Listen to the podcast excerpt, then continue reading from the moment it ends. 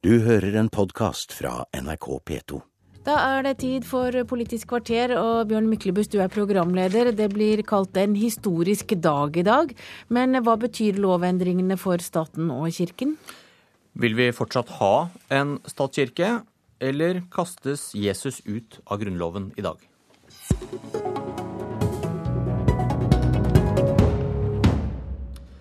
Kirkeminister Rigmor Aasrud, velkommen.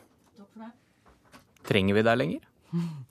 Det vil være en kirkeminister ut denne stortingsperioden, det er jeg ganske sikker på. Og så får vi se hvordan framtidige statsministre vil eh, organisere arbeid. Men eh, nå skal vel ikke politikerne blande seg lenger i hvordan kirken behandler kvinner eller homofile?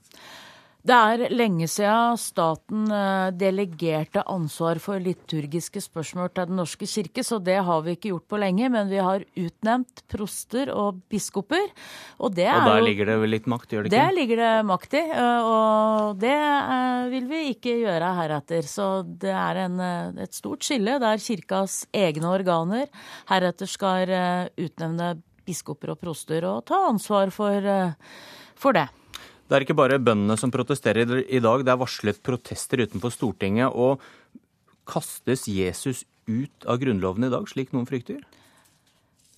Grunnloven skal fortsatt eh, bygge på den humanistiske og kristne arv i Norge, men vi går vekk fra å si at det er den evangelisk-lutherske kirke som skal være den bærende religionen i Norge, og det blir den store endringa. Islam og kristendom likestilles?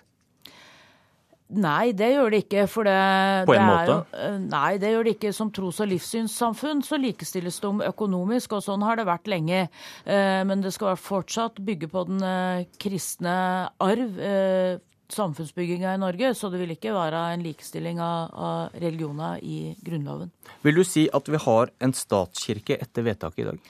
Nei, det vil vi ikke ha, men staten vil fortsatt ha ansvar for vesentlige deler av administrasjonen til Den norske kirke fordi vi skal lønne prester fortsatt. Så Sånn sett så vil vi fortsatt ha et forhold til Den norske kirke, men vi vil ikke ha en statskirke på den måten vi har hatt tidligere. For det er ikke statens ledere som lenger skal styre Den norske kirke. Kristin Mile, generalsekretær i Human-Etisk Forbund. Er det en historisk dag eller en parentes?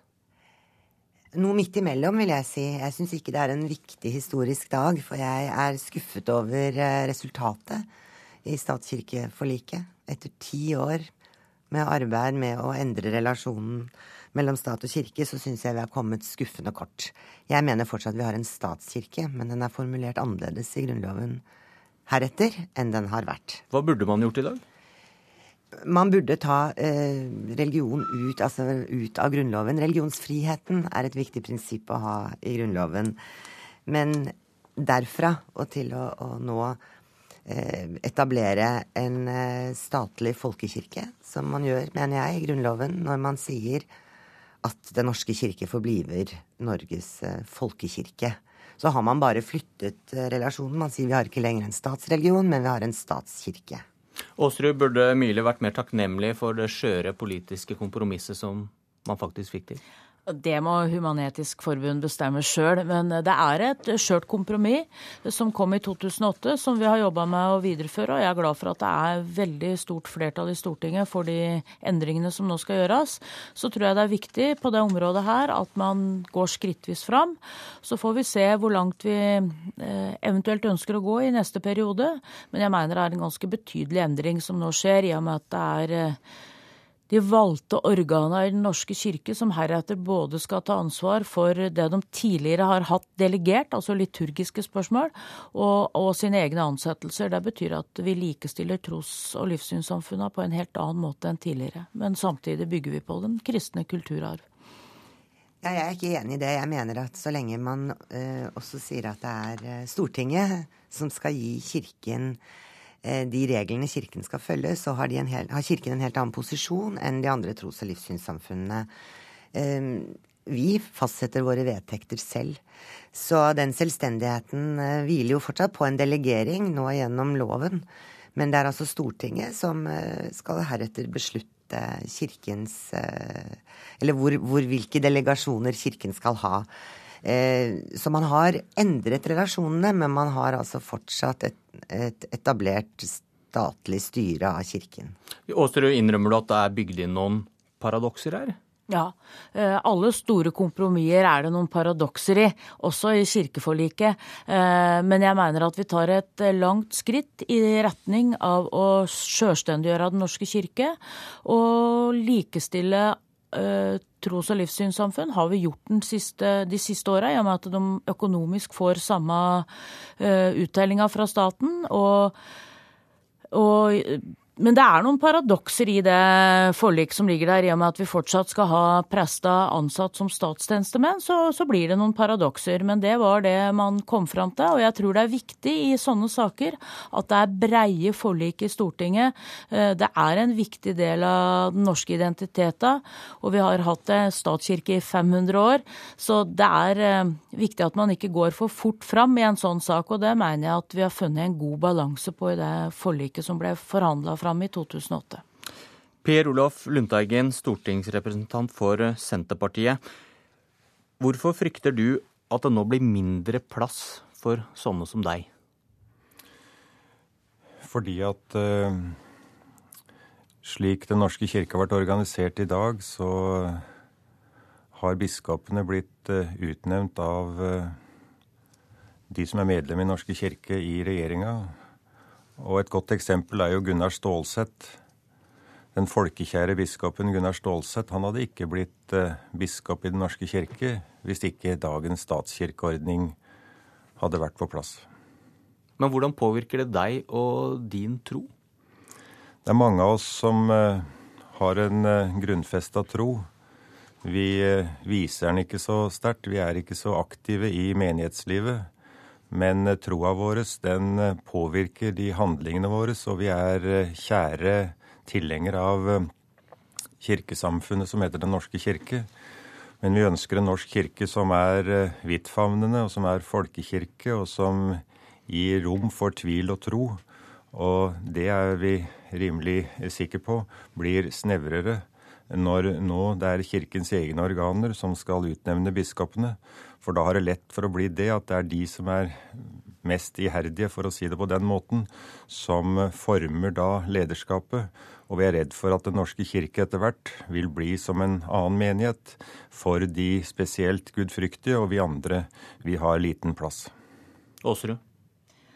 Det er viktig at vi som er medlemmer i Den norske kirke, tar ansvar, er med på å velge de ledere vi vil ha i Den norske kirke i tida framover. For jeg er enig med Lundteigen at eh, jeg ønsker meg at vi fortsatt skal ha åpen, tolerant, liberal kirke. Og det må vi sikre gjennom de valga som ble gjort av kirkas organer. Og på den måten sørge for at vi får mennesker som eh, setter sammen et bispekollegium på, på en sånn måte at eh, alle syn ble representert. For jeg er helt enig i at det er viktig at eh, alle skal få lov å eh, ta del i Den norske kirkes arbeid, sitt indre liv, sjøl om du ikke utviser trua di på den måten at du er veldig aktiv i de forskjellige menighetene. Det skal være plass for alle, og det er viktig, og det må vi passe på at skjer i tida framover. Og det gjør vi best ved å stille opp og velge de ledere vi da ønsker i kirkas ordinære valg. Den statskirkeordningen vi har i Norge er ganske spesiell, og det er veldig vanskelig å argumentere prinsipielt for en slik statskirkeordning. Det som er imidlertid veldig lett å argumentere for, det er resultatene av den statskirkeordningen. Resultatene er veldig gode, og den er ikke minst veldig gode i forhold til de som har en annen tro fordi at vi har et system i Norge slik at eh, de andre menigheter skal verdsettes og behandles på likeverdig måte. Eh, helt tatt, Statskirkeordningen har en veldig brei oppslutning. Og det er sjølsagt, når en snakker nå om det skjøre kompromiss i Stortinget, så er eh, de som er tilhengere av kompromisset, veldig redd for reaksjonene fra medlemmer i Norske kirke. For det som pågår, det er jo en skrittvis endring. Fremskrittspartiets Anund Anundsen har sagt det presist. En går ifra separasjon i denne stortingsperioden til skilsmisse i neste periode. Human-Etisk Forbund, det de sier her, er jo altfor beskjedent. Rigmor Aasrud er langt mer presis, hvor hun sier det at eh, det er en stor endring som skjer nå. For nå vil Kirka få da eh, et styre over sine ledere. Men så er det da det dilemmaet at eh, fortsatt så er det staten som skal betale. Og det er jo helt ulogisk at eh, staten skal betale for et menighetsliv på den måten. Den logiske konsekvensen er jo det som er andre stand, nemlig at de enkelte menigheter styrer sitt eget liv. Og dermed så blir det ikke bare dåpen over tid som blir medlemskap i Den norske kirke.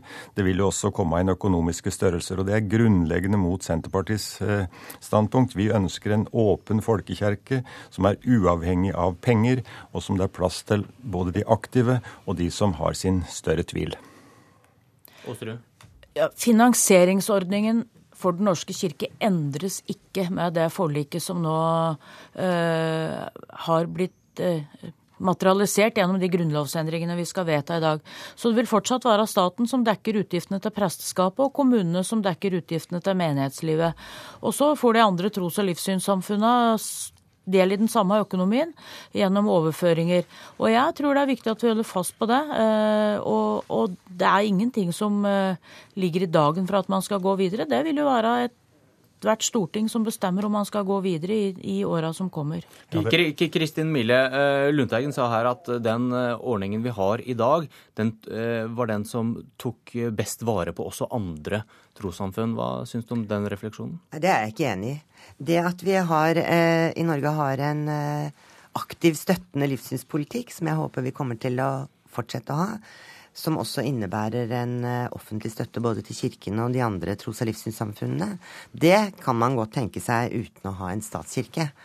Eh, men, men eh, at vi, at vi eh, nyter godt av at vi har en statskirke, det er jeg dypt uenig i. Det er et, statskirken er et prinsipp som stiller ett trossamfunn foran eh, alle de andre tros- og livssynssamfunnene, og helt klart også gir Kirken noen privilegier som de andre ikke har. Det er altså en del av det statlige apparatet, og vil forbli en del av det statlige apparatet. Og den økonomiske støtten til de andre tros- og livssynssamfunnene er kompensatorisk, dvs. Si avhengig av hva Kirken får i stats- og kommunetilskudd per hode. Men det er vel eh, rettferdig det, hvis man får det samme? Ja, men det betyr jo at det er ett trossamfunn man tar hensyn til behovet hos, og så får de andre tilsvarende. Eh, det er det ene. Og det andre er at på en del andre områder så er det ulikheter. Bl.a. når det gjelder momskompensasjon. Så er det helt andre regler for Kirken enn det er for de andre tros- og livssynssamfunnene. Eh, når det gjelder plikten for staten eller for kommunene til å bygge kirker, så er den unik for Kirken. Så det er fortsatt store økonomiske uh, forskjeller. Det er helt klart. I dag er altså systemet med støtte til livssynssamfunn det er en mer en offentlig ansvar, et offentlig anliggende. Eh, når eh, Den norske kirke nå blir en menighet som andre, så inntrer jo en ny situasjon. Og Kristelig Folkeparti har jo sagt dette her best. sitat, Spørsmål om eventuelle framtidige medlemskontingent må overlates til besluttende organer i Den norske kirke, og er ikke et politisk spørsmål. Det er jo presist. sånn at spørsmål om økonomi og kirkesamfunn det blir jo nå opp til Den norske kirke. Det er ikke lenger sånn som det var. Det her er opp til de enkelte menigheter og ledelsen der sånn om åssen de vil organisere sin virksomhet. Det er det som vil skje. Det er viktig for meg å slå fast at dagens finansieringsordning endres ikke med de grunnlovsendringene som blir vedtatt i dag. Sånn at uh, staten vil fortsatt ha sitt ansvar for presteskap og kommunene sitt ansvar for menighetslivet. Så, så, der er det ingen endringer. Så er det viktig for meg å si i forhold til det Human-Etisk Forbund sier, det er fortsatt sånn at 80% av de som bor i Norge er medlem i Den norske kirke. Og, og det er jo uh, noe vi må hensynta også i tida framover. Men tror du, hvordan tror du det kommer til å utvikle seg? Ja, Jeg tror ikke det kommer til å endre seg noe særlig i tida framover. Jeg tror det er stor oppslutning om Den norske kirke i den norske befolkninga. Og vi har sett at Den norske kirke klarer å opptre samlende i vanskelige situasjoner, sånn som vi så etter 22.07. Så jeg syns at man har klart å balansere det å være majoritetskirke på en god måte. Rigmor Aasrud, Per Olaf Lundteigen og Kristin Mille, takk for at dere kom til Politisk kvarter i dag, som var ved Bjørn Myklebust. Du har hørt en podkast fra NRK P2.